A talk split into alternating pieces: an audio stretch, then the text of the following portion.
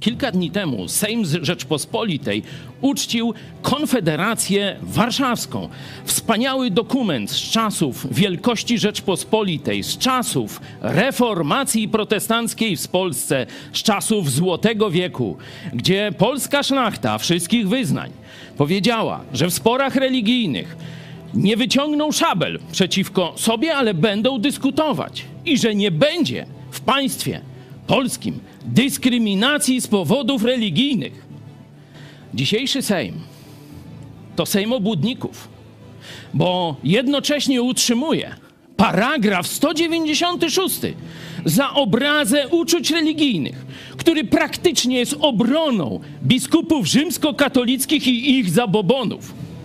Właśnie w Lublinie kolejna odsłona we wtorek procesu pastora za krytykę kościoła katolickiego i jego dogmatów. To się nawet w czasach kontreformacji w głowie nie mieściło, a to się dzieje dziś. Ale mamy Słowo Boże, mamy tam zachętę. Dzisiaj zapraszam Was w podróż wraz z apostołem, chciałem powiedzieć pastorem, też taką funkcję pełnił, z apostołem Pawłem przez jego procesy w Jerozolimie i nie tylko.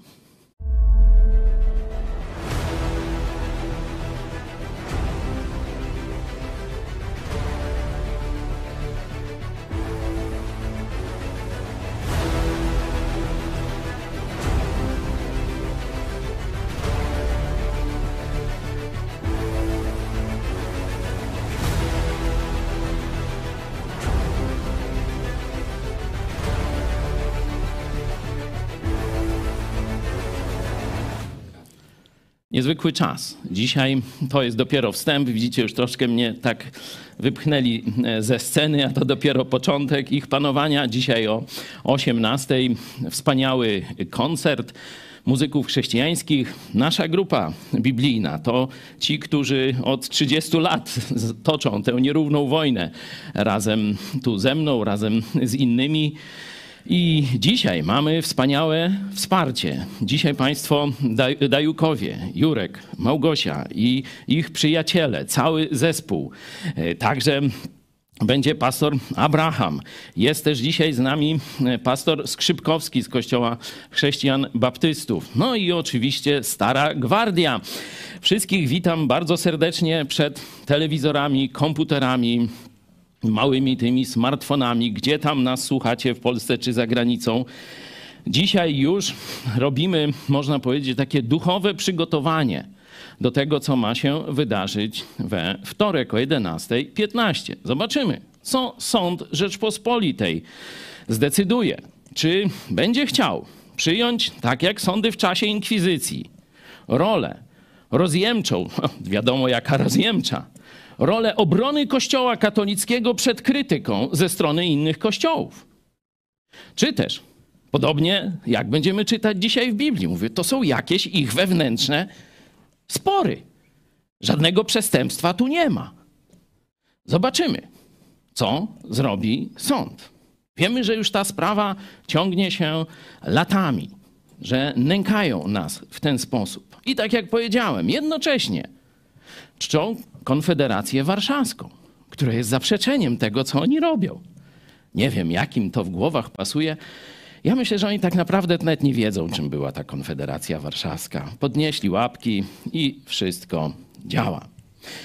My dzisiaj będziemy szukać zachęty i analogii w Słowie Bożym, bo to, co się dzieje tutaj, działo się i 2000 lat temu. Ale najpierw oddajmy chwałę temu, dla którego to robimy. Tego, który nie, którego nie myśmy znaleźli. Warto z tego sobie zdać sprawę. To nie myśmy szukali Boga. Owszem, mieliśmy niekiedy jakieś tam przebłyski, ale to Jezus, przedstawiany jako dobry pasterz, idzie i szuka owcy, która się uwikłała, która się zaplątała, która nie widzi wyjścia, która jest zgubiona. I to Jezus stał i kołatał do naszego serca. Niekiedy przez lata, niekiedy traktowaliśmy go strasznie. Bluźniliśmy, odrzucaliśmy, byliśmy obojętni, wybieraliśmy grzech. Aż gdzieś, w pewnym momencie, coś pękło. działanie Ducha Świętego i świadectwo innych chrześcijan. I stwierdziliśmy: Jezu, odrzucam gnój swojego dotychczasowego życia bez Ciebie i chcę iść za Tobą. Chcę przyjąć od Ciebie zbawienie i chcę być na zawsze Twój. Chcę być wiernym Twoim uczniem. To On nas znalazł. On nas dzisiaj prowadzi. I tylko On jest godzien chwały. Dlatego najpierw zwrócimy się do Niego w modlitwie i poproszę naszych szacownych gości, Jurka i Henia, żeby poprowadzili nas w modlitwie, a potem wy poprowadźcie nas w, w chwaleniu naszego Pana i Zbawiciela, Jezusa Chrystusa. Dzięki Ci, Jezu, dzięki Ci, dzięki za piękną dzielę. Dziękuję Ci za każde usta i za każde serce, które będzie otwarte po to, żeby Ciebie wywyższyć. Zarówno tutaj, jak i tam, przed ekranami. Chwała Ci, Panie, za Twoją prawdę, która zawsze zwycięża, za miłość, za życie, bo Ty jesteś prawdą, Ty jesteś drogą i życiem. Dzięki Ci za to. Błogosławimy, Panie, siebie nawzajem i też... Yy, i tych, którzy będą oglądać ten program. Amen. Dobry Boże w niebie. Um, wielu śmierci snem upadli, co się wczoraj spać pokładli. My się jeszcze obudzili, byśmy Boże Cię chwalili. Panie, ta stara pieśń wyraża nasze pragnienia, że jesteś godzien wszelkiego uwielbienia wszelkiej czci. Pomóż mi być pokornym przed Tobą, nie tylko teraz, w tej chwili. Nam wszystkim szukać właśnie prawdy w Twoim słowie. Pomóż nam być wiernymi i przyjmij od nas uwielbienie i chwałę z tego miejsca lub z każdego innego, gdzie są zebrani ci, którzy Ciebie chcą chwalić i czcić.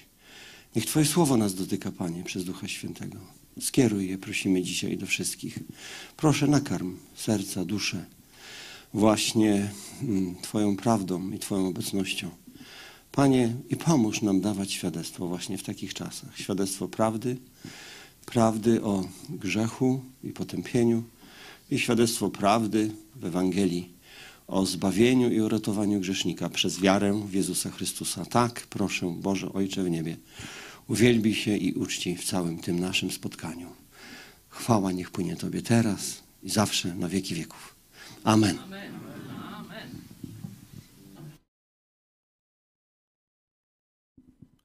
Zaśpiewamy Oddajmy dziś wiecznemu Bogu cześć. To jest numer 173. Bóg to nasz Pan tylko On.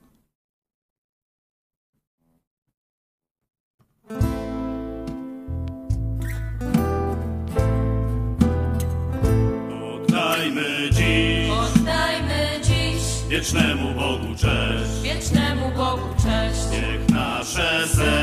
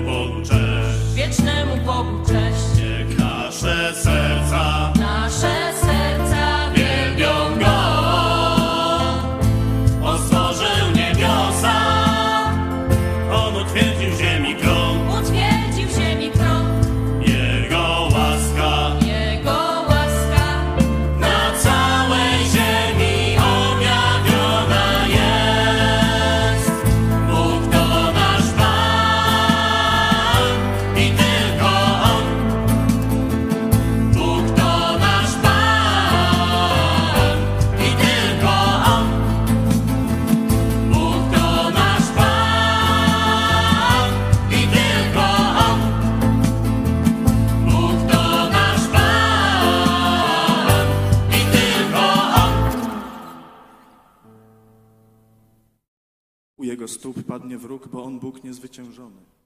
Numer 24. Uwielbiajcie Pana ludzkich serc.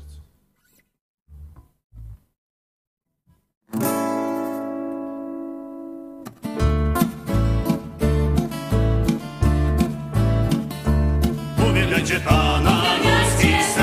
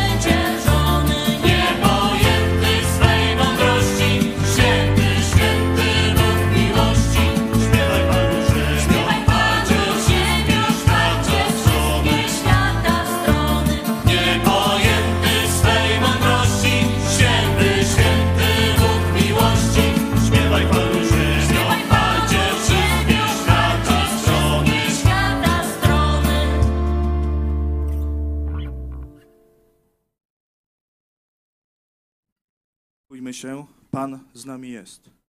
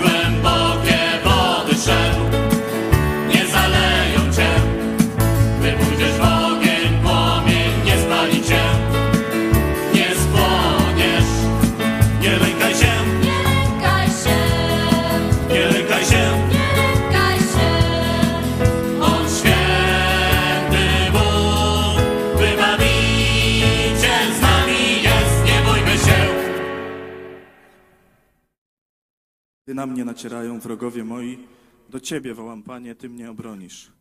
Numer 201, 201, Pan jest moim Bogiem.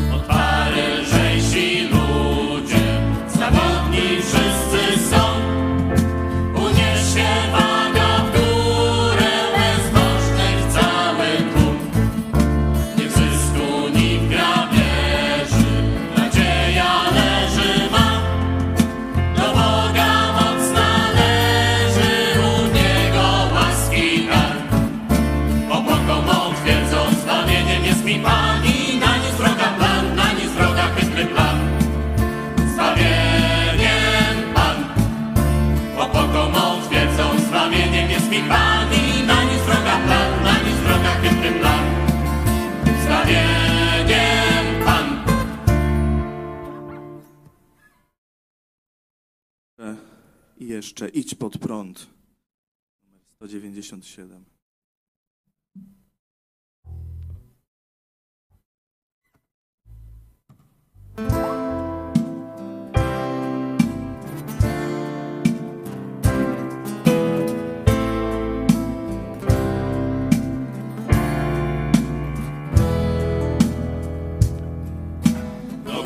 podnosimy wzrok, by wyruszyć starczy jeden krok równego marszu.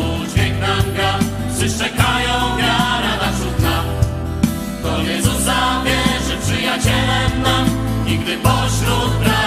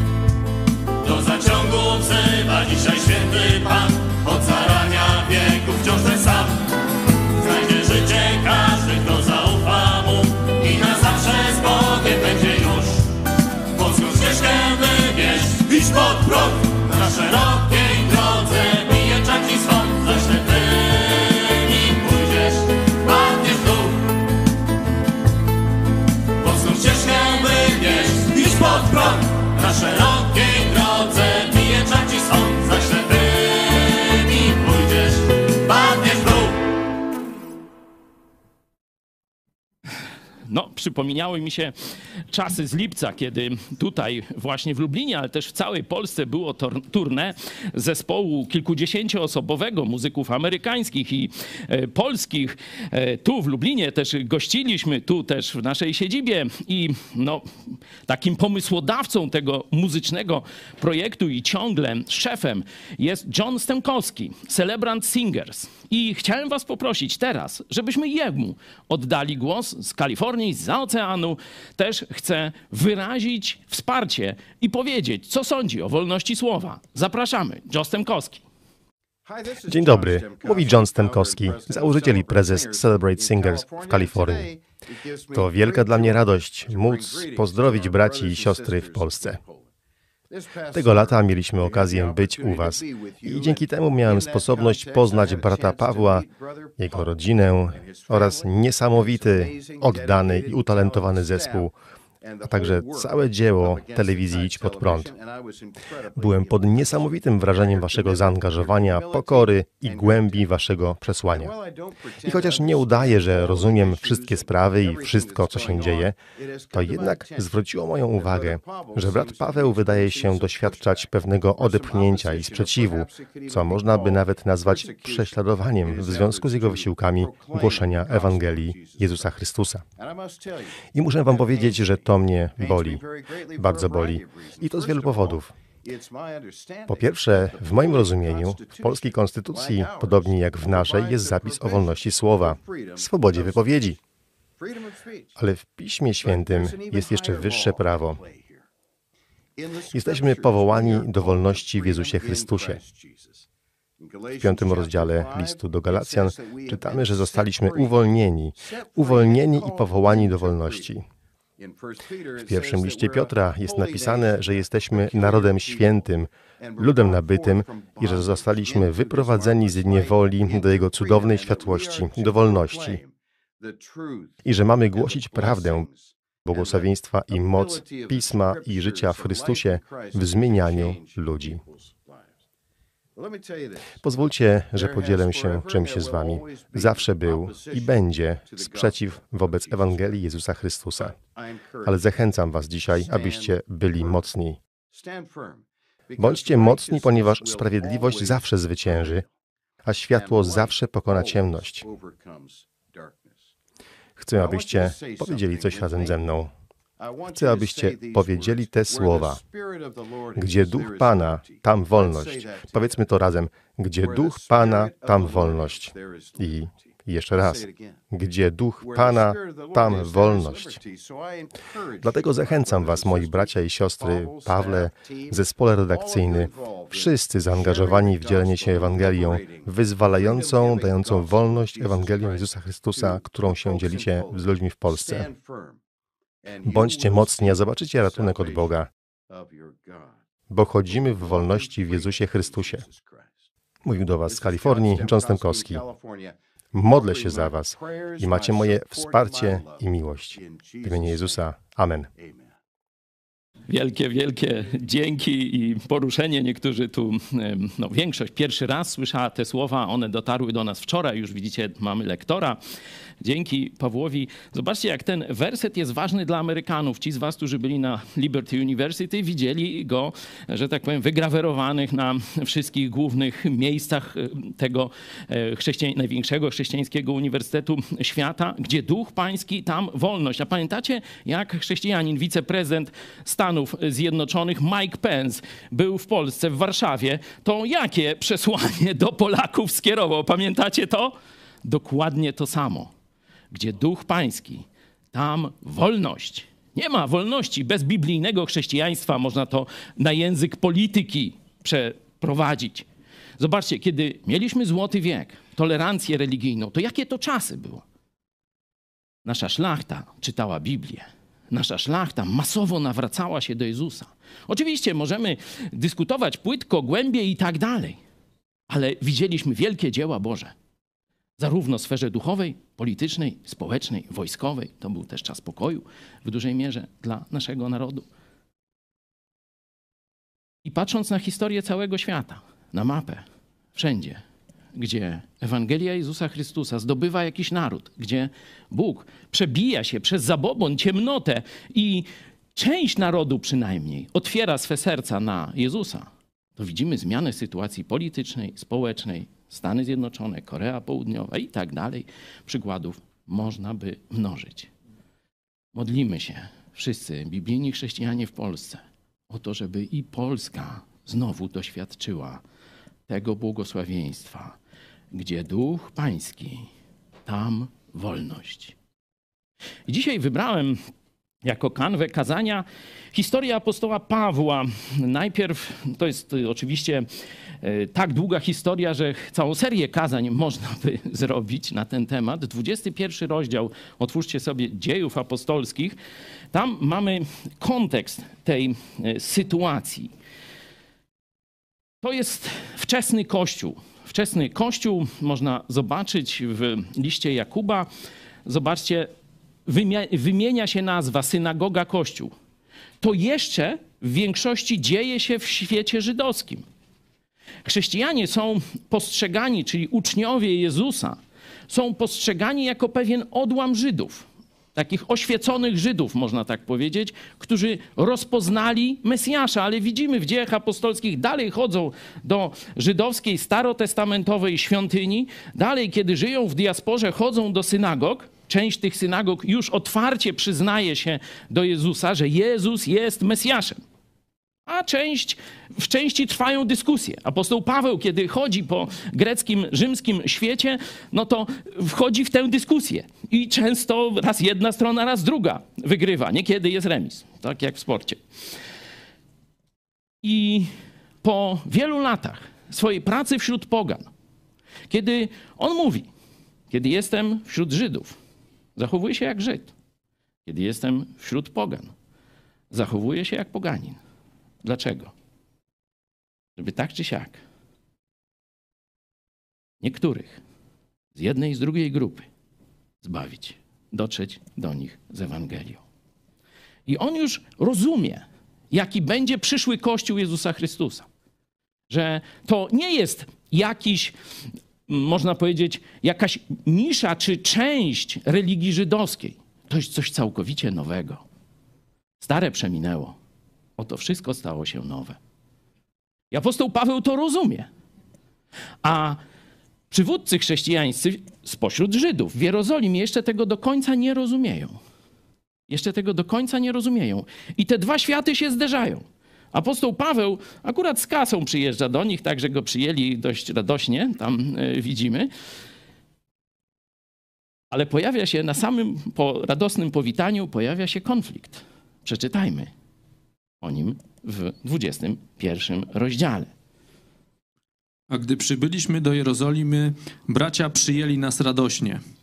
Nazajutrz zaś poszedł Paweł z nami do Jakuba, a gdy przybyli wszyscy starsi, pozdrowiwszy ich, wyłożył im szczegółowo, czego Bóg dokonał wśród pogan przez jego służbę. A oni, gdy to usłyszeli, chwalili Boga i powiedzieli mu: Widzisz, bracie, ile to jest tysięcy Żydów, którzy uwierzyli, a wszyscy gorliwie trzymają się zakonu.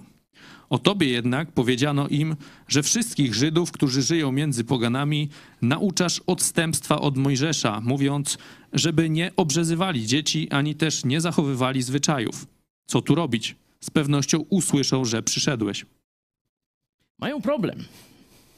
Paweł reprezentuje już ten kościół, który my znamy.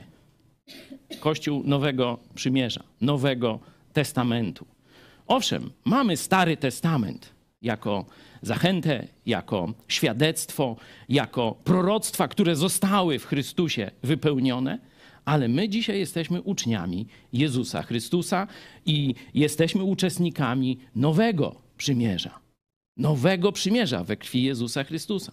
Inaczej mówiąc, jesteśmy obmyci z naszych grzechów nie krwią zwierząt, tak jak myśleli Żydzi. A list do Hebrajczyków mówi to tylko cień tego, co zrobił raz na zawsze Jezus Chrystus na krzyżu Golgoty. My jesteśmy uczestnikami nowego przymierza. Jesteśmy święci w oczach Boga, nie naszymi uczynkami, naszą świętością, gorliwością, nie wiem czym tam jeszcze. Tylko Bóg Ojciec, patrząc na nas, widzi krew Jezusa i za każdy mój grzech Jezus już zapłacił. Tak mnie patrzy, tak mnie widzi mój Ojciec w niebie. Dlatego w Jego oczach jestem święty, nie dlatego, że jestem bezgrzeszny. Nie. I te dwie wizje, zobacz, mówi, ile ludzi uwierzyło w Jezusa, a wszyscy chodzą do świątyni, wszyscy dzieci obrzezują, wszyscy wszystkie zwyczaje żydowskie, ci chrześcijanie żydowscy zachowują, a o tobie im mówią takie rzeczy. No i radzą. Możecie sobie ten naprawdę świetny serial e, przeczytać. No tu już poprosiłem pastora Skrzypkowskiego, żeby jeszcze coś powiedział, to wiecie, co nam się szykuje. Bo on też, y, że tak powiem, krótko nie mówi. Dlatego już nie pamiętamy ślub, to możecie sobie zobaczyć, jak nie wierzycie. Euniki i Szymona, także... Ale dobrze było, jesteśmy no, wdzięczni, już 21 tysięcy ludzi to oglądało, także chwała Bogu, niech się niesie. A my wracamy do apostoła Pawła i mówię, Pewnie nie uda mi się powiedzieć wszystkiego, co bym chciał, no ależ tam to nie muszę, nie? E, Może następnym razem jeszcze Bóg da się spotkać, będziemy kontynuować. Czyli pokazuje kontekst. Ten kontekst jest troszeczkę analogiczny do nas, do naszej sytuacji w Polsce. Ruch ekumeniczny. Stał, on powstał w ramach kościołów protestanckich. To trzeba jasno powiedzieć, ponad 100 lat temu kościoły protestanckie stwierdziły, że no musimy w jakiś sposób mieć pewien wspólny front. Zaczęli dyskutować różne takie, a w pewnym momencie Kościół katolicki mówi, łapkę podniósł, znaczy, żeby też ich podkuli tutaj. Mówi, my też, przecież chrześcijany, no co? No już tacy trochę tego, no ale no, Sobór Trydencki, no inkwizycja, no stosy paliliśmy, ale teraz jesteśmy super reformowani normalnie i, i jesteśmy już po Soborze Watykańskim bardzo mili protestanci, nie? No i dobra, no weź tu, weź tu bądź mądry, jak oni tak, że tak powiem, do nas teraz przyjaźnie, nie? I w, w, od tak 30-40 lat, szczególnie w polskim środowisku, no jest problem. Jest problem. Wśród protestantów już mówię. Jak potraktować rzymski katolicyzm? Czy jako kościół chrześcijański, który sobie gdzieś trochę zbłądził, kilku ludzi zamordował, yy, tam trochę prześladował i tak dalej, a już teraz jest naprawdę taki całkowicie nawrócony, ewangeliczny i tak dalej? Czy jakoś inaczej? No oczywiście ta pierwsza opcja to nikt tam rozsądny nie wierzy, nie? No ale jest druga opcja, że w kościele powstały, katolickim powstały różne nurty.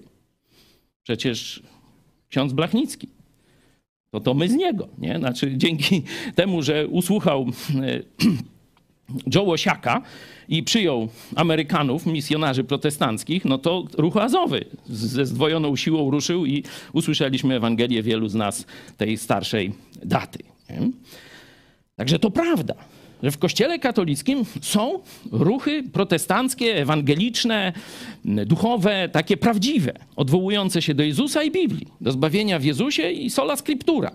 W rzeczywistości no, to są protestanci w kościele katolickim, nie? tak można by powiedzieć. Ja ich nazywam partyzantami, no ale to już inna, inna inszość. I teraz jak się w tym odnaleźć? To był, że tak powiem, ważny problem dla chrześcijańskiego, ewangelicznego środowiska. Część mówiła, słuchajcie, coś dobrego dzieje się w kościele rzymskim. Są księża, a nawet niektórzy biskupi. Wtedy też myśleliśmy, że Jan Paweł II też przecież no, wspierał księdza Blachnickiego, to jest bezsporne, nie? że może i on, że tak powiem, przejdzie na stronę, na jasną stronę mocy nie? i będzie głosił Ewangelię. Czy wspomóc to dobro, co się dzieje ewidentnie w Kościele katolickim, że katolicy masowo nawracają się do Jezusa Chrystusa i się z nimi w jakiś sposób, no tak, nie wiem, utożsamiać, jednoczyć, pokazywać, na różne sposoby to można tego, czy jednak jasno podkreślać, że choć część katolików przychodzi do Jezusa, że są księża, może nawet biskupi, nawróceni, to jednak Kościół w swojej masie jest bałwochwalczy, zdradził Jezusa Chrystusa, nie wyparł się tego, co zrobił w XVI wieku, kiedy zdradził Jezusa na Soborze Trydenckim. Nie? Mówi, zbawienie jest tylko z wiary, usprawiedliwiony mój z wiary żyć będzie. A Kościół rzymski całą swoją powagą, mocą i rzekomą nieomylnością stwierdził, dekret o usprawiedliwieniu sprawdźcie sobie, drodzy katolicy. Jeśli ktoś utrzymuje, że jest usprawiedliwiony tylko i wyłącznie przez zaufanie Jezusowi Chrystusowi, niech będzie wyklęty na wieki. Niech będzie wyklęty z Kościoła Rzymskiego. To jest oficjalna nauka Rzymu. Niezmieniona do dziś. I co zrobić? No to część chrześcijan mówi: No nie, możemy pomagać katolikom, którzy się nawracają.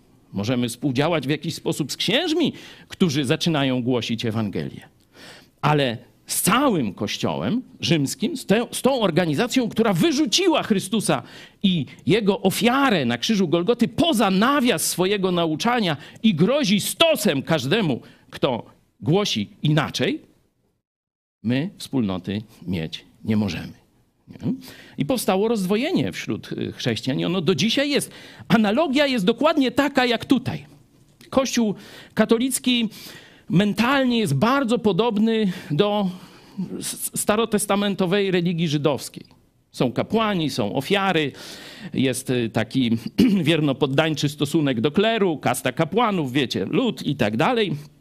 Sama droga zbawienia przez uczynki, także analogii jest pełno. Oczywiście Kościół katolicki w przeciwieństwie do religii mojżeszowej dołożył ogromną ilość tam bałwochwalstwa, kultu świętych, obrazy, takie tam różne e, rzeczy, ale w tym takim głównym trzonie jest dość analogiczny do Starego Testamentu. Stąd to, co widzimy tutaj. Apostoł Paweł już idzie nową drogą. On już zakłada kościoły, które są wolne od wpływów żydowskich. One są wolne od tego, by chrześcijan obrzezywać, by wysyłać do świątyni na pielgrzymki raz w roku, czy coś takiego, czy by po żydowsku ich wtłaczać w system synagogalny. Jakub i ci, którzy są w Jerozolimie, żyją jeszcze w tym systemie. No i następuje zderzenie. Apostoł Paweł ulega. Apostoł Paweł ulega i mówi: Dla zachowania spokoju ja zrobię to, co chcecie. To był plan chrześcijan żydowskiego pochodzenia na uspokojenie sytuacji społecznej. Ale to nie był plan Boga. Możemy o tym zresztą dalej przeczytać. Proszę. A gdy te siedem dni miały się ku końcowi, ujrzeli go w świątyni Żydzi z Azji. Podburzyli cały tłum i rzucili się na niego, krzycząc: Mężowie izraelscy, pomóżcie! Oto jest człowiek, który wszędzie wszystkich naucza przeciwko ludowi i zakonowi i temu miejscu. Nadto jeszcze i Greków wprowadził do świątyni i zbezcześcił to święte miejsce. Przedtem bowiem widzieli z nim w mieście Trofima z Efezu i sądzili, że go Paweł wprowadził do świątyni. I poruszyło się całe miasto i powstało zbiegowisko ludu, a pochwyciwszy Pawła, wywlekli go ze świątyni na zewnątrz, a drzwi natychmiast zostały zamknięte. A gdy się szykowali, aby go zabić, doszła do dowódcy kohorty wieść, że jest wzburzona cała Jerozolima. Ten, wziąwszy ze sobą żołnierzy i setników, natychmiast pobiegł do nich, oni zaś, skoro zobaczyli dowódcę i żołnierzy, zaprzestali bić Pawła. Paweł zrobił wszystko, co chcieli, żeby zachować ten spokój społeczny, jaki był pomiędzy wyznawcami Jezusa Chrystusa żydowskiego pochodzenia, a niewierzącymi Żydami. Ale Bóg, Pan historii, jednak poszedł na zwarcie, poszedł na konflikt. Już się szykują, żeby apostoła Pawła zabić. Nie? To jest pierwsza próba zabójstwa. Kogo Bóg- wykorzystuje? No, tym razem wykorzystuje rzymski oddział i jego dowódcę, który nie chce niepokojów społecznych, nie chce jakichś rozruchów, powstań i tak dalej, bo e, najważniejsze dla, dla Rzymian to jest utrzymać spokój. Utrzymać spokój. Pax Romana i niech się tam handluje, niech się dzieje, e, budujemy drogi i różne takie rzeczy. No i wbiega i ratuje apostoła e, Pawła. No możemy naprawdę bardzo ciekawe rzeczy zobaczyć, jak pozwala mu e, przemówić. E, mówi po hebrajsku, czyli pokazuje no, swoje oddanie swoim ojczystym tradycjom, zwyczajom, swojemu pochodzeniu żydowskiemu, jako faryzeusz przecież, jeden z najbardziej gorliwych uczeń Gamaliela i tak dalej, mądrzejszy od nich wszystkich, mówi po hebrajsku, jest cisza, jak makiem zasiał. Do pewnego momentu. Zobaczmy. A ja rzekłem, panie, oni sami wiedzą, że to ja e, wziąłem i biłem po synagogach, więziłem i biłem po synagogach tych, którzy w ciebie wierzyli. A gdy lała się krew Szczepana, świadka twojego, ja sam przy tobie byłem i pochwalałem i strzegłem szat tych, którzy go zabijali. I rzekł do mnie, idź, bo ja cię wyślę daleko, do pogan. I słuchali go aż do tego słowa, po czym zaczęli krzyczeć, mówiąc, zgładź z ziemi tego człowieka, nie godzi się bowiem, aby taki żył. A gdy oni krzyczeli i wymachywali szatami i ciskali proch w powietrze, rozkazał dowódca wprowadzić go do twierdzy. poleciwszy przesłuchać go z zastosowaniem biczowania, aby się dowiedzieć, z jakiej przyczyny tak przeciwko niemu krzyczeli.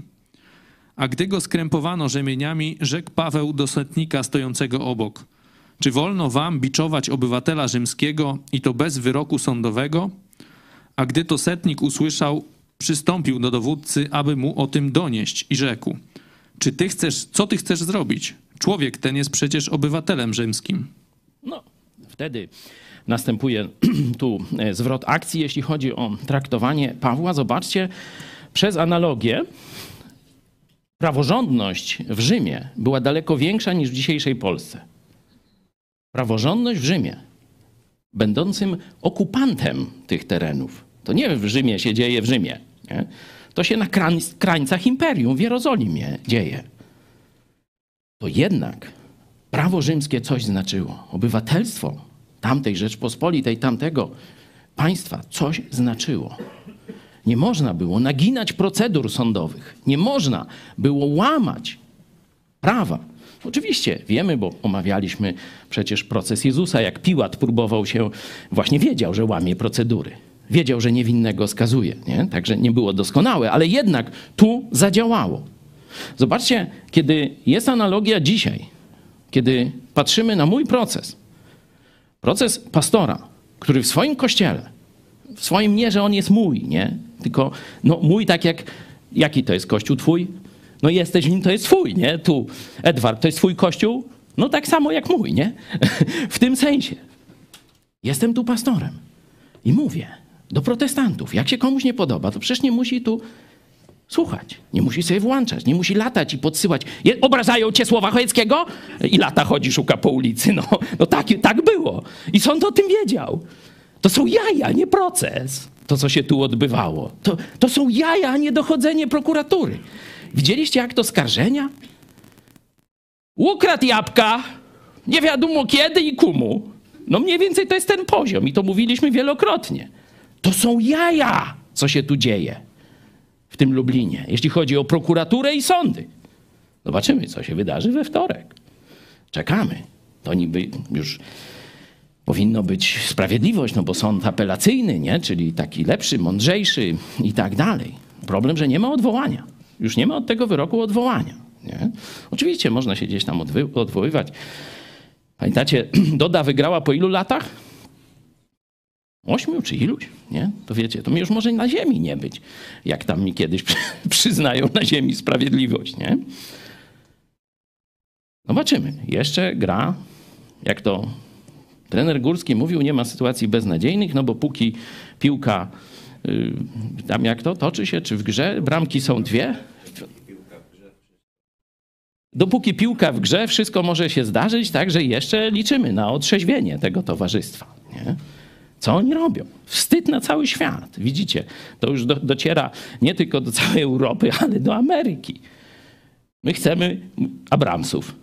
Chcemy F tam nie wiadomo ile już. A wolności religii, wolności słowa nie mamy w Polsce. No to jak? W Rzymie, który był okupacyjny w stosunku do Żydów, było większe poszanowanie prawa obywatelskiego i wolności obywatelskich niż w dzisiejszej Polsce, gdzie prokuratura robi co chce, gdzie sądy drukują wyroki z sufitu. Wszyscy o tym wiedzą. I z lewej, i z prawej. I Ziobro mówi, że sądy złe, no i opozycja mówi, że, że jeszcze gorsze.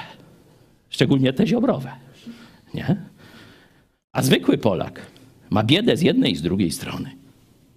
No i tak właśnie jest. Także zobaczcie, kolejna analogia, tylko tym razem na gorzej, jeśli chodzi o nas.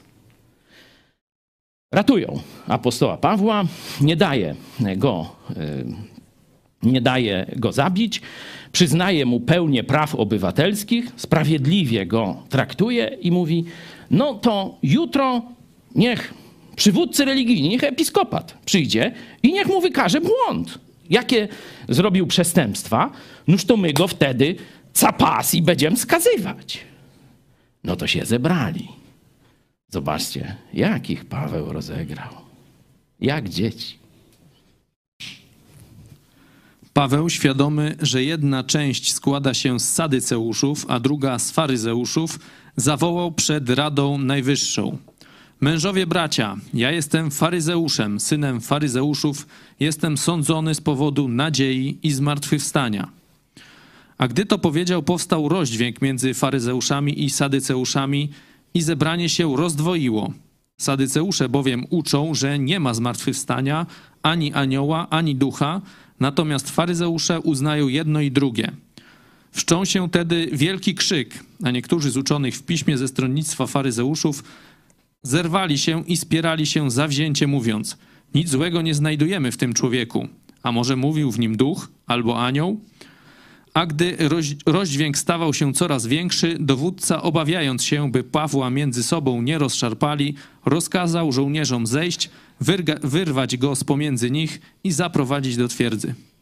Wśród religijnych Żydów wtedy był podział. Można powiedzieć, że prawie że wojna, bo zobaczcie, do, mm, że tak powiem, rękoczynów dochodziło między nimi. Zaczęli się bić, szarpać, Pawła chcieli rozerwać, nie? czyli emocje w ramach ówczesnego systemu religijnego były bardzo mocne i napięte.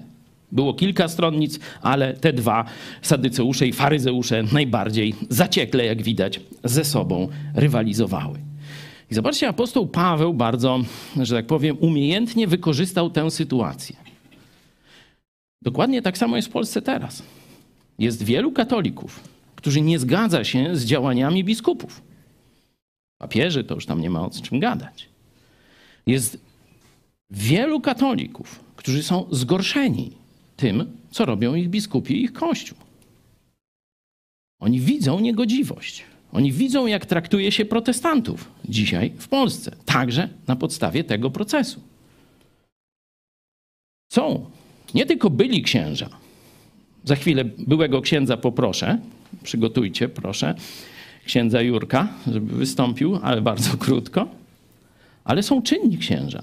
Ja nie będę, wiecie, zdradzał ich personaliów, którzy wiedzą doskonale, że to jest nagonka na mnie, że to jest proces pokazowy, który ma przestraszyć i zniechęcić innych. No, w największym marzeniu to, żeby zamknąć telewizję i iść pod prąd. No toż tam oni się, nie, modlić to oni się nie modlą, bo oni są raczej niewierzący. To katolicy wiedzą, że tam wiary w Boga wśród biskupów to tam może jeden, dwóch jeszcze jakieś ślady ma, a reszta no to tam buduje hotel teraz. Gdzie? Tam pod Olsztynem stawi gudy jakoś tak, nie? Noż, bo tam biskup to i wypocząć musi w godnych warunkach, przecież nie będzie tam gdzieś się szlajał cztery gwiazdki, a co tam jeszcze będzie, no to tam już katolicy wiedzą. Wiedzą, co to jest, nie? Ta ich hierarchia. I to ja już nie muszę im mówić, to robią inni. I są księża, nawet dość wysoko postawieni, którzy mówią jasno, ten proces jest szkodliwy. Ten proces, ten proces, mówię o moim procesie, niszczy to, co można by budować w Polsce. Czyli to są ci, którzy stoją za tym procesem, to są wrogowie Polski i wolności w Polsce. Nie? No tak można jasno wydedukować z opinii tych księży. Czy mamy byłego księdza Jurka? Proszę, na chwilę. Wolność słowa dla mnie to możliwość mówienia swobodnie o swoich najgłębszych przekonaniach. Także pełne wsparcie moje dla pastora Pawła Chojeckiego w jego zmaganiach o wolność, swobodę wypowiedzi w Polsce. No, były ksiądz to i może mówić, rozumiecie? Zobaczcie, jak mm, bycie księdzem, że tak powiem, ogranicza wolność. Sami muszą się cenzurować. Jurek już nie musi, może jasno o tym mówić. I pojawiło się zwarcie. Obie te grupy były mniej więcej równosilne. Jak jest w Polsce, nie wiem. To, że w Polsce nie ma sprawiedliwości, tylko są wyroki, to każdy wie. Która frakcja będzie miała większy nacisk, to ja nie wiem, co będzie. Nie? Ja czekam, zaraz powiem na co. To zresztą Bóg powiedział apostołowi Pawłowi osobiście. Także możemy się tym zachęcać i umacniać. W każdym razie dowódca mówi: tutaj żadnego rezultatu nie będzie. Ale zatrzymajmy się na chwilę i pomyślmy, jaki był wpływ społeczno-medialny tego procesu na Jerozolimę. Słyszała cała Jerozolima znowu? Zaczęła się cała Jerozolima zastanawiać znowu, kto ma rację? kto w tym procesie apostoła Pawła ma rację, jak powinni zachowywać się Żydzi. Czy Ewangelia jest też dla pogan, bo pamiętacie, w którym momencie im puściły te, że tak powiem, gula pękła i już chcieli go znowu zabić? Kiedy powiedział, że Bóg zwraca się do pogan. Że Bóg ma plan nie tylko dla Żydów, ale dla wszystkich narodów. I w tym momencie im gula pękła. I już no, zabij go, nie może taki żyć i tak dalej, nie? Ta dyskusja w każdym jerozolimskim domu dzisiaj była. Chwała Bogu. A to nie koniec. A to nie koniec. Bo w tym momencie sąd z Jerozolimy przenosi się do siedziby władz rzymskich, do namiestników, królów, a potem do samiuśkiego Rzymu. A potem do samiuśkiego Rzymu. Czyli zobaczcie, z jakiegoś żydowskiego sporu w Jerozolimie pomiędzy taką czy inną frakcją robi się sprawa dotycząca całego cywilizowanego świata wtedy. Nie tylko w Jerozolimie, nie tylko w Judei i w, całej, w całych ziemiach żydowskich, ale ten spór przenosi się do centrum imperium, do Rzymu. I my za chwilę się tam też przeniesiemy. Ale najpierw zobaczmy, co w tym najcięższym momencie zrobił Bóg w stosunku do apostoła Pawła. Następnej nocy przystąpił do niego Pan i rzekł: Bądź dobrej myśli, bo jak świadczyłeś o mnie w Jerozolimie, tak musisz świadczyć i w Rzymie. Amen. To Bóg zaświadcza. Czemu ten proces w Jerozolimie posłużył? By świadectwo o mnie znowu z mocą do Żydów dotarło. Było zesłanie Ducha Świętego, była działalność apostołów, ale teraz mamy jakąś stagnację. I Bóg daje świadectwo. To, co się stało, do czego ja dopuściłem, niektóre rzeczy sam za tym stałem, posłużyło, żeby świadectwo dotarło do Jerozolimy. Ale to nie jest moje ostatnie słowo. Teraz, przez ciebie, świadectwo dotrze do samiuśkiego Rzymu, czyli centrum imperium. To już nie będzie sprawa żydowska. To będzie sprawa światowa. I przenieśmy się do listu apostoła Pawła do Filipian i za chwilę ciebie, Henryk, już poproszę. To ostatni tekst, który chciałem, żebyście, żebyśmy razem przeczytali. Jaki był cel Boga i jaki był skutek, jaki Bóg osiągnął przez ten proces. A chcę, bracia, abyście wiedzieli, że to, co mnie spotkało, posłużyło raczej ku rozkrzewieniu Ewangelii. Także więzy moje za sprawą Chrystusową stały się znane w całym zamku i wszystkim innym. A większość braci w Panu nabrała otuchy z powodu więzów moich i zaczęła z większą śmiałością, bez bojaźni, głosić Słowo Boże. Jaki efekt? Usłyszała znowu Jerozolima. Usłyszały też władze rzymskie na terenie e, Jerozolimy, cała na terenie Palestyny ówczesnej, cała elita, królowie i tak dalej. To już nie był jakiś zaściankowy problem. Będziemy, mam nadzieję, jak Bóg da, czytać o tym właśnie jak królowie, namiestnicy zastanawiali się, co zrobić z Jezusem. Czy to jest prawda, czy nie? I jaki ma być ich osobisty stosunek do Jezusa. A teraz widzimy, ten zamek to jest pretorium, czyli służby specjalne Cezara, SB, dzisiaj to się jak nazywa? ABW, nie? I tak dalej. Wszyscy o tym rozmawiają. Wszyscy usłyszeli Ewangelię i dyskutują. Czyli ewangelizacyjny aspekt. Dlaczego z jakiegoś gadania o Jezusie tyle szumu? Sędzia lubelski półtora roku temu przyznał. Nie wiem, czy mamy ten wycinek, żeby nie było, że to ja mówię. 400 osób jednego dnia ze Stanów Zjednoczonych napisała: Co wy odprawiacie? To u was wolność słowa czy taliban? I on sam to przyznaje, bidok na rozprawie. Dostałem 400 maili, a mówili nam, że skrzynka sądu się zapchała. To już mamy. A co jeszcze Bóg da? Tego nie wiemy, jeśli chodzi o ewangelizację. Ale zobaczcie, jaki wpływ na chrześcijan to miało. Świadectwo Pawła, proces Pawła, paroletni, bo to parę lat trwało, gdzieś około trzech. Też analogia. Zobaczyli, co jest osią konfliktu. Co tak naprawdę mają głosić. Właśnie to, co Paweł. Bo to wściekłość władzy i religijnej, i państwowej wzbudza. A przynajmniej państwowej wtedy może nie wściekłość, tylko zainteresowanie. Wściekłość religijnej i zainteresowanie władzy państwowej. To działa. Bóg za tym stoi. Nabrali odwagi, żeby ze śmiałością głosić Ewangelię o darmowym zbawieniu. Właśnie o to się modlę, żeby ten proces do tego doprowadził, żeby cała Polska zaczęła się zastanawiać, dlaczego tego Chojeckiego tak gnębią. Dlaczego gazety piszą, że to sekta?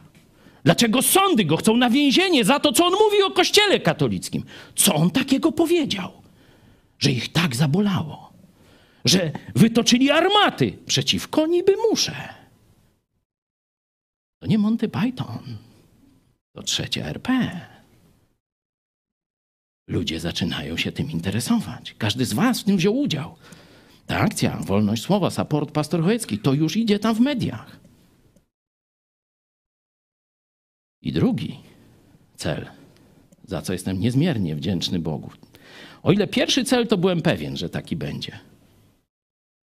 Bo to jest oczywiste, nie? Konflikt, proces to, to są rzeczy, którymi ludzie się interesują. Ale nie wiedziałem, jak zachowają się polscy chrześcijanie. Ale Bóg i to zmienił. Dzisiaj nie jestem sam. I dzięki Wam, bracia, siostry, że jesteście razem ze mną w tym procesie. Bo to nie jest proces o jakieś tam słowa, wulgaryzmy, czy jakieś takie inne bzdety. To jest proces o to, czy w Polsce można mówić jasno o zabobonie katolickim. I czy wolny Polak ma prawo krytykować władzę, którą sam wybrał, czy też musi mieć czapkę przed nią. To jest oto proces. Dziękuję. Heniu, proszę.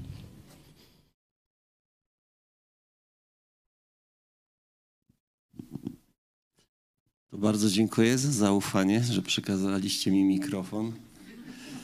E, Mów co chcesz. tak. No, słowo pańskie. Mamy Biblię w rękach, więc będę głosił słowo Boże.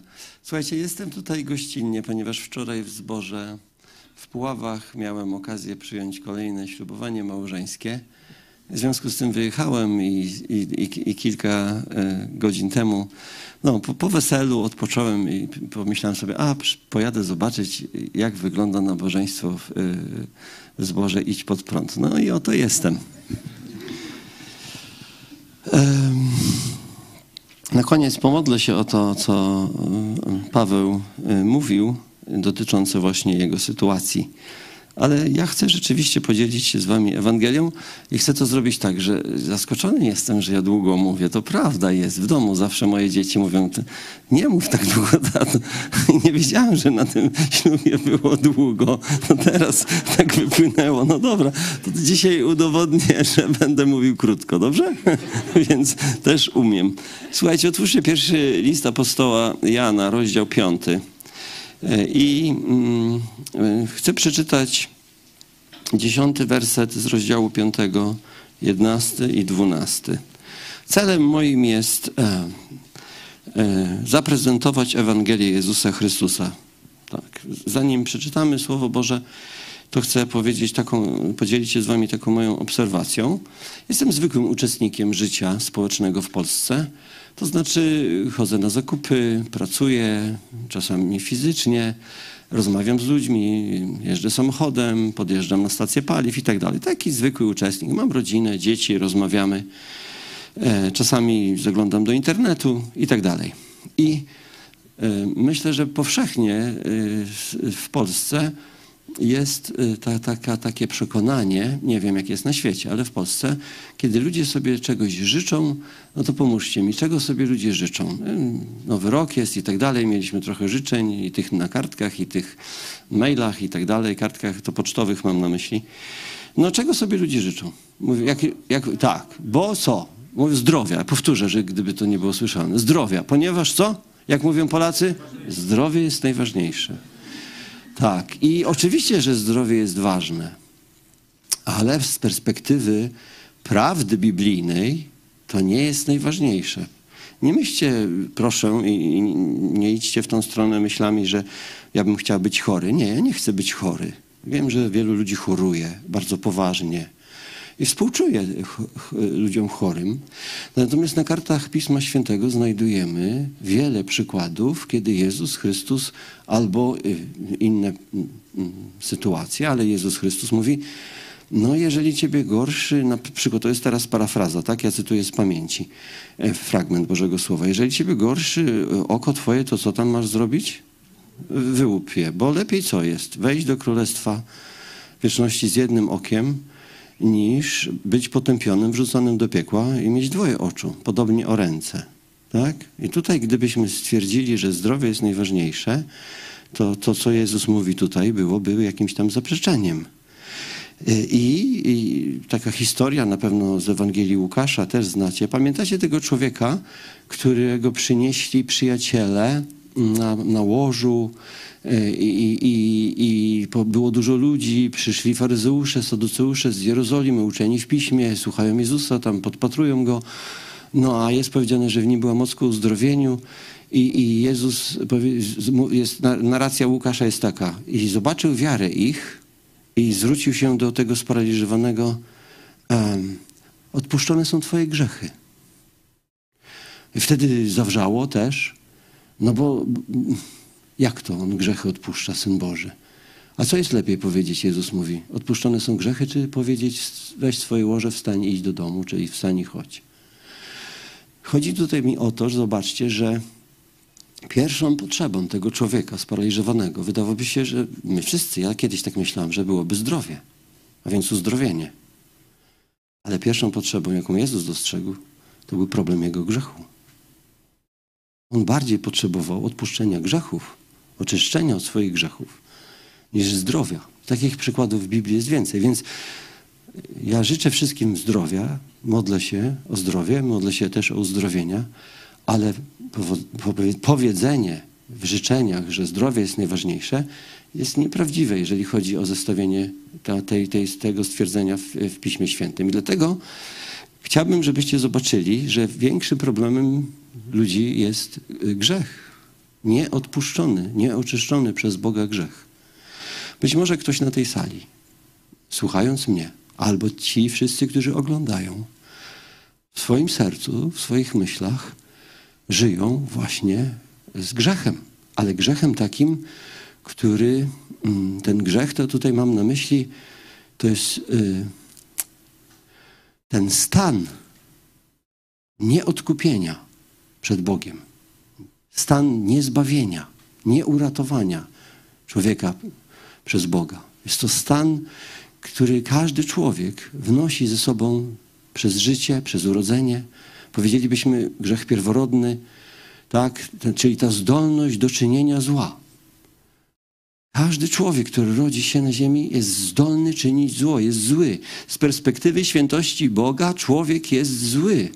I z powodu grzechu i zła, jakie jest, zła, jakie jest w nim, jest potępiony. Nie może stanąć przed Bogiem świętym. Pamiętacie na pewno, że w Piśmie Świętym Bóg jest ukazywany często jako ogień trawiący, jako jasność, światłość. Prawda? Dlaczego tak? Bo Bóg w ten sposób pokazuje swoją świętość, swoją inność, swoją wyjątkowość. Bóg jest inny niż my, grzesznicy. I nic, co jest grzeszne, nie może być w Jego obecności. Nigdy nie będzie. Więc ten ogień i ta światłość to pokazuje świętość Boga. I my nie możemy dzisiaj być w obecności Bożej, bo jak w Pismo Święte i Żydzi to dobrze rozumieją. Biada mi, umarłem, zobaczyłem Boga. Zakrywali twarze, padali na kolana i nikt nie miał odwagi spojrzeć Bogu w oczy w stro, stronę tronu Bożego, tak? Z powodu grzechu właśnie. I być może ktoś mnie słyszy i jest świadomy swojej grzeszności. Ludzie, którzy są świadomi swojej grzeszności, ja od młodości bałem się Boga ze względu na swój grzech. Zawsze wiedzia, wiedziałem, intuicyjnie nawet, wychowany w rodzinie rzymskokatolickiej na Pomorzu, intuicyjnie wiedziałem, że mój grzech zostanie osądzony. Bałem się Boga. Nie znałem łaski Bożej dostępnej w Chrystusie Jezusie. Nie znałem, że Bóg przygotował ratunek, znaczy oczyszczenie mnie z moich grzechów. I Słowo Boże, właśnie ten fragment, który teraz przeczytam, pokazuje, że dla człowieka grzesznego Bóg przygotował oczyszczenie od jego grzechów, a co za tym idzie zbawienie, czyli uratowanie, żeby człowiek mógł żyć wieczne w bliskiej relacji i obecności Boga żywego, tego świętego ognia i tej wielkiej światłości. Apostoł Jan o tym napisał tak, a więc piąty rozdział, werset 10, 11, 12. I tam poruszę tylko kilka słów. Kto wierzy w Syna Bożego, ma świadectwo w sobie. Kto nie wierzy w Boga, uczynił go kłamcą, gdyż nie uwierzył świadectwu, które Bóg złożył o swoim Synu. A takie jest to świadectwo. Żywot wieczny dał nam Bóg, a żywot ten jest w Synu Jego. Kto ma Syna, ma żywot. Kto nie ma Syna Bożego, nie ma żywota. A takie jest to świadectwo. Jeszcze raz. Zobaczcie, jakie to jest proste stwierdzenie przez apostoła Jana. Świadectwo Boga, tak? Jak kończymy szkołę, studia i tak dalej, co otrzymujemy? Na potwierdzenie tego, że coś udało się ukończyć. Świadectwo, zaświadczenie. Bóg zaświadczył o jakiejś prawdzie. I tu jest powiedziane, że to świadectwo Boga polega na tym, że jest życie wieczne dla tego grzesznika, dla każdego człowieka. Świadectwo wierzy, że Bóg dał świadectwo i życia wiecznego, a życie to jest dostępne w Jego Synu, w Jezusie Chrystusie. Dla każdego, kto uwierzy. No dobrze. To może ktoś usłyszy to poselstwo Ewangelii moje dzisiaj, na dzień dzisiejszy, jak, jak tak sobie żyjesz. Jak myślisz? Czy jesteś osobą, która uwierzyła osobiście, w swoim sercu, w swojej duszy, prawdziwie, że Jezus Chrystus jest Twoim jedynym ratunkiem, jedyną osobą, która może i ma władzę przebaczyć Twoje grzechy, oczyścić Ciebie od winy grzechu i przez to oczyszczenie tylko Jezus Chrystus, Syn Boży, ma władzę, taką moc, żeby dać Tobie wieczne istnienie, wieczne życie, zbawienie. I Jezus dzisiaj, ten dzień dzisiejszy, jaki mamy, ta niedziela, jest dniem, w której łaska Boża dla ludzi na ziemi jest przedłużona. Ja jestem pewny i tak nauczam, tak głoszę i tak wierzę osobiście. To, że my dzisiaj istniejemy, to tylko po to, żeby Ewangelia przez ludzi wierzących mogła być głoszona dalej. Bóg przedłuża dni, aby ludzie mogli być zbawieni.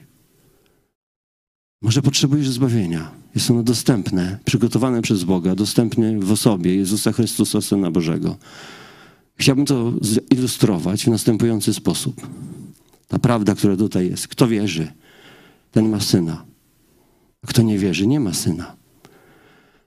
Kto wierzy, ma wszystko. Ten, kto nie wierzy, nie ma nic przed Bogiem. Co ty masz? Czy masz syna? Przez wiarę przyjąłeś go, uwierzyłeś, zaufałeś Bogu. Ten boski plan zbawienia. A może nie? Jeżeli nie, dzisiaj uwierz, że Bóg przygotował ci życie wieczne w Chrystusie. Jezus czeka naprawdę na ciebie, na twoją wiarę osobistą, na to, że do Niego przyjdziesz. I przez taką historię chcę jeszcze to wyostrzyć, na czym to polega. Kiedy trwała wojna w Wietnamie, i tam też ścierały się wielkie armie, tak? Ubiegłego wieku. Stany Zjednoczone i Związek Radziecki. Dzisiaj jest też jakaś analogia. Wielkie armie, wielkie potęgi ścierają się na Ukrainie. Pewien młody chłopak ze Stanów Zjednoczonych postanowił pójść do wojska. Zgłosił się na ochotnika. Był on jedynakiem. I um, trafił oczywiście na front. I na froncie zginął. A jego syn, przepraszam, jego tato, jego tato bardzo cierpiał z tego powodu. On miał tylko tego syna. I był bardzo, bardzo smutny. I nie wróciło już prawdziwe szczęście życia do tego człowieka, mimo że był zamożnym człowiekiem. I jako zamożni ludzie, oni mieli taką pasję, zbierali, kolekcjonowali drogie obrazy, dzieła sztuki.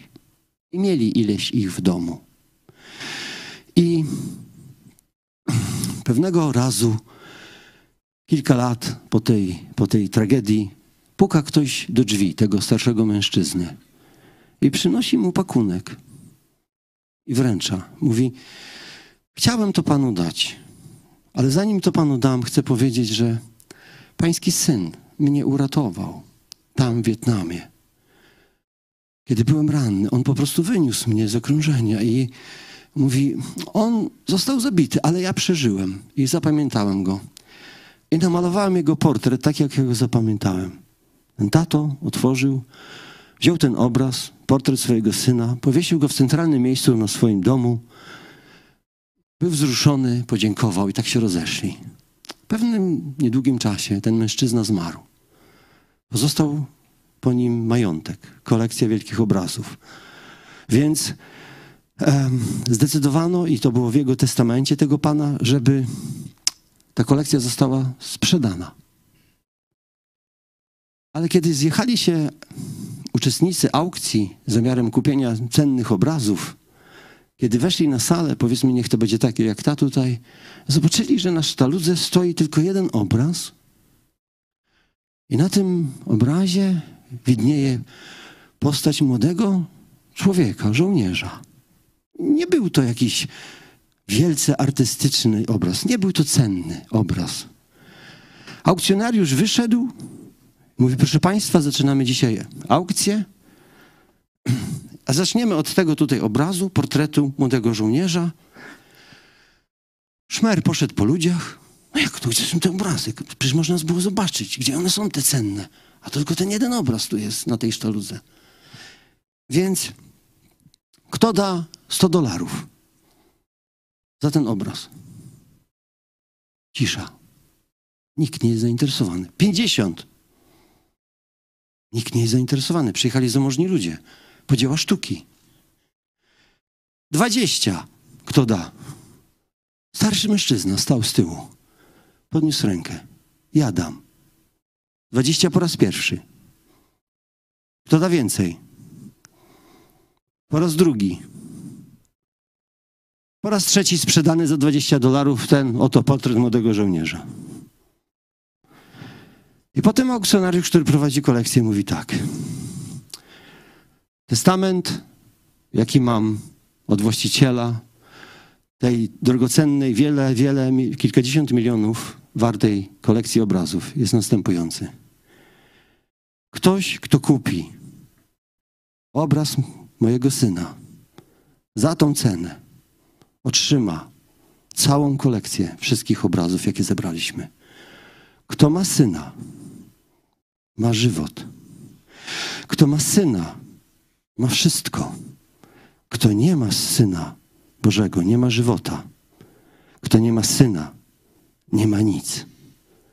W taki sposób Bóg przygotował wieczny, wielki Bóg zbawienie. Ono jest dostępne tylko w Jego Synu, Jezusie Chrystusie. I tylko kto uwierzy. Okazało się, że tym człowiekiem starszym na tej akcji był ich ogrodnik i po prostu było mu przykro, ponieważ on znał tego młodego chłopaka, który zginął w Wietnamie. Z powodu wstydu nie chciał, żeby tak było, kupił za 20 dolarów ten obraz. Oczywiście stał się właścicielem całej tej kolekcji. Moi drodzy, przyjaciele, bracia, siostry, jeżeli nie masz pokoju, nie jesteś zbawiony, jeżeli wiesz, że ciąży na tobie Twój grzech, jeżeli Twoje grzechy są nierozwiązane, przed Bogiem to jest przekleństwo i nigdy w takim stanie nie wejdziesz do wieczności, do zbawienia. Oto dzisiaj usłyszałeś Ewangelię, jaką Bóg przygotował. Kto ma syna, ma życie. Przyjmij wiarą Jezusa Chrystusa jako swojego osobistego Pana i Zbawiciela. I przyjmując przez wiarę Jezusa Chrystusa, otrzymujesz wszystko, co Bóg przygotował w wieczności, na wieki wieków. Całe błogosławieństwo, pełne szczęście, pełny pokój i życie wieczne. Bo to przyniósł nam Chrystus na ziemię. I o to chciałbym się pomodlić teraz. Ojcze w niebie, dziękujemy Ci za dzisiejszy dzień, za dzień łaski na ziemi. Dziękujemy Ci za ludzi wierzących, którzy mogą głosić Ewangelię i dawać świadectwo prawdy o Tobie. Dziękujemy Ci, że życie wieczne jest dostępne tylko w Chrystusie, przez Chrystusa i dla Jego chwały. Dziękujemy Ci, że każdy człowiek, kto uwierzy w Chrystusa jako swojego Pana i Zbawiciela, otrzymuje oczyszczenie i przebaczenie wszystkich swoich grzechów. Dziękujemy Ci, Panie, że dzisiaj na ziemi wielu ludzi to przebaczenie grzechów otrzyma od Ciebie, to oczyszczenie, to uwolnienie od winy. Dziękujemy Ci, że przez tą transmisję, jaka jest w Polsce, może na świecie i przez to poselstwo, łaskawie dzisiaj dotrzesz do jakiegoś serca, do jakiejś duszy, w której chcesz przebaczyć grzechy. Dziękujemy Ci, że takie słowa jeszcze mogą być głoszone w wolności rzeczywiście w naszym kraju. Dlatego też modlę się, abyś przeprowadził Pawła Chojeckiego przez ten proces, abyś został on ułaskawiony, aby prawda a, Ewangelii mogła dalej się rozchodzić. Wierzymy, Panie, że użyjesz tego do swojej chwały. Daj, Ojcze Święty, swoją mądrość, swoją moc. Najpierw wszystkim tym, którzy Ciebie szukają i pragną dzisiaj. Pomóż im otworzyć serca i duszę na Ciebie, na Chrystusa przez wiarę. Pomóż, Panie, aby pokonali swoje jakiekolwiek mają obawy i trudności i wszystko, co ich powstrzymuje. Aby Duch Święty wszedł do nich i zbawił ich i przebaczył im grzechy, aby byli zbawieni. Ale też pomóż Pawłowi Chojeckiemu w, tym, mm, w tej walce. Daj też wiele pokory, daj wiele mądrości, ale przede wszystkim, Panie Boże, liczymy na Twoją łaskę, na to, że Ty użyjesz wszystkiego dla swojej chwały.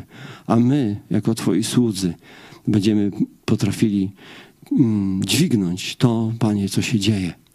I dalej Tobie, Bogu żywemu, służyć, bez względu na to, gdzie nam przyjdzie żyć, w jakich czasach i w jakich okolicznościach. Tak nas, Panie, wyposaż. Mnie, jak wyposażaj Pawła, wszystkich tych, którzy są tutaj. O to prosimy Ciebie, Boże w niebie, przez drogie i cenne, wspaniałe imię Twojego Syna, naszego Zbawiciela, Jezusa Chrystusa. Amen. Amen. Nie wiem, było długo? Dzięki, dzięki. Było dobrze. Najważniejsze, że zgodnie z prawdą, zgodnie z tym, co Bóg powiedział w swoim słowie, e, mam nadzieję, że e, zarówno wierzący, jak i niewierzący są poruszeni tym, co tu razem przeżyliśmy.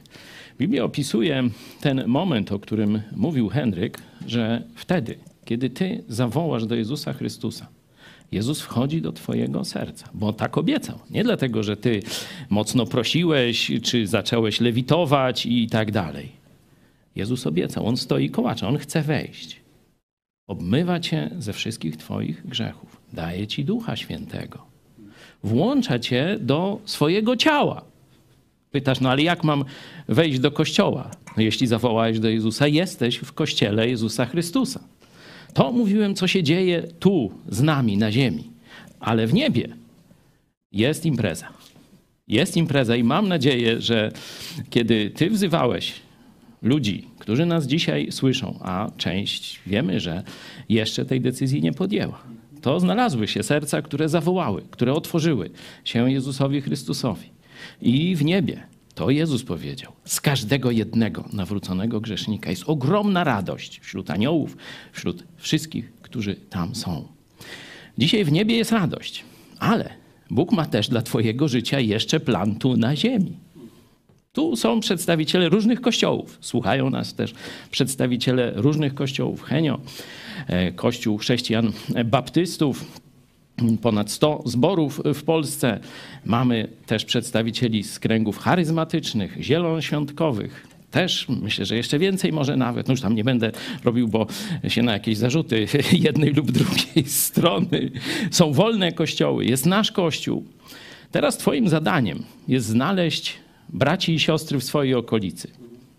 Może trafisz na kościół zielonoświątkowy, może na wolnych chrześcijan, ewangelicznych, wiary ewangelicznej, baptystów. Nie wiem, dużo jest różnych i wolnych i... Już dzięki, że to ty powiedziałeś.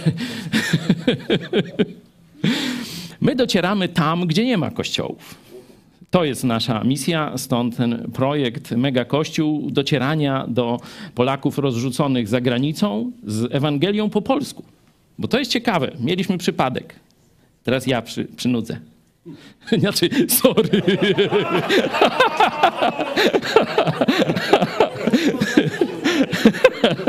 Widzisz, u nas zawsze można liczyć na ironię i różne takie, ale dzięki temu mamy do siebie dystans, nie? Tu nie ma żadnej napuszonej, wiecie, jakichś tam kardynałów takich, co nie można ich tylko w ręce można pocałować albo gdzie indziej.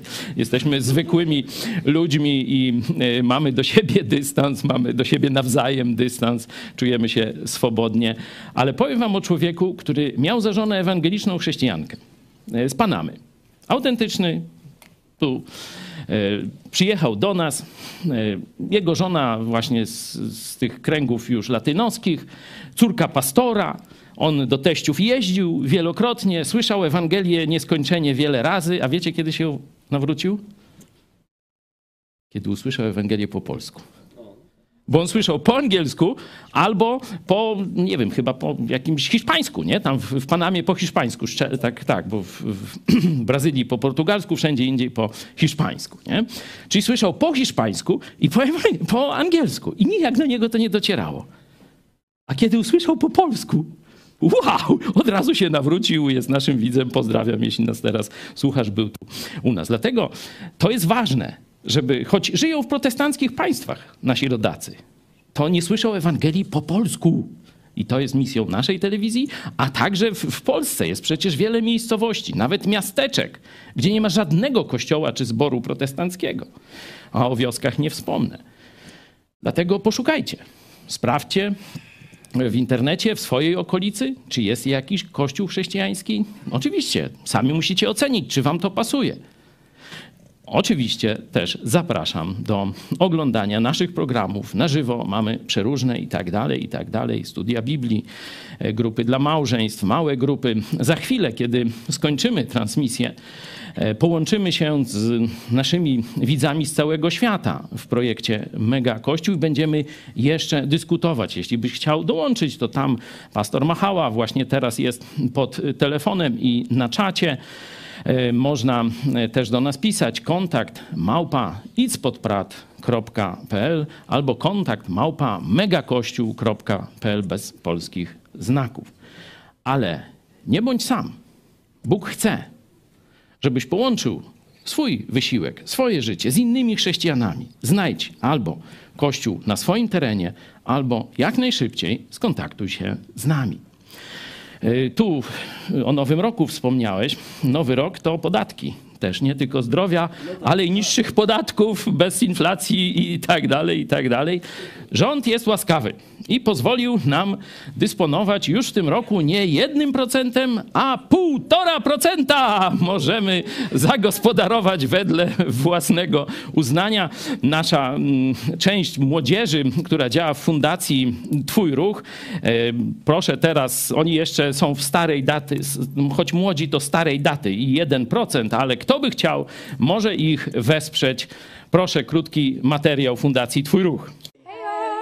Tu Młodzież z Fundacji Twój Ruch. Zachęcamy do wsparcia naszej fundacji poprzez przekazanie 1% podatku dochodowego, żebyśmy mogli realizować reportaże, spotkania z młodymi i wiele, wiele innych. I tutaj ciekawa informacja. Tak, myślę, że możemy uchylić rąbka tajemnicy, bo szykujemy na kolejne święta, które będą w kwietniu, e, ciekawy materiał, więc śledźcie nas, ponieważ będzie bardzo e, ciekawy. No i I do zobaczenia, y, do zobaczenia wkrótce. Czas na Twój Ruch! Dzięki, dzięki. E, Stan gitar kończy się miesiąc. E, Większość naszych widzów, wierzących i niewierzących, chce, żeby ta telewizja funkcjonowała. Nie? Wielu nie chce, o tychśmy mówili wcześniej, a wielu chce. Nie? No i co miesiąc tysiąc osób wyraża tę chęć e, w postaci wsparcia nas. Brakuje jeszcze 220 trzy osoby chyba, tak? Dwie, dwie, przepraszam. Nie, trzy, dobrze.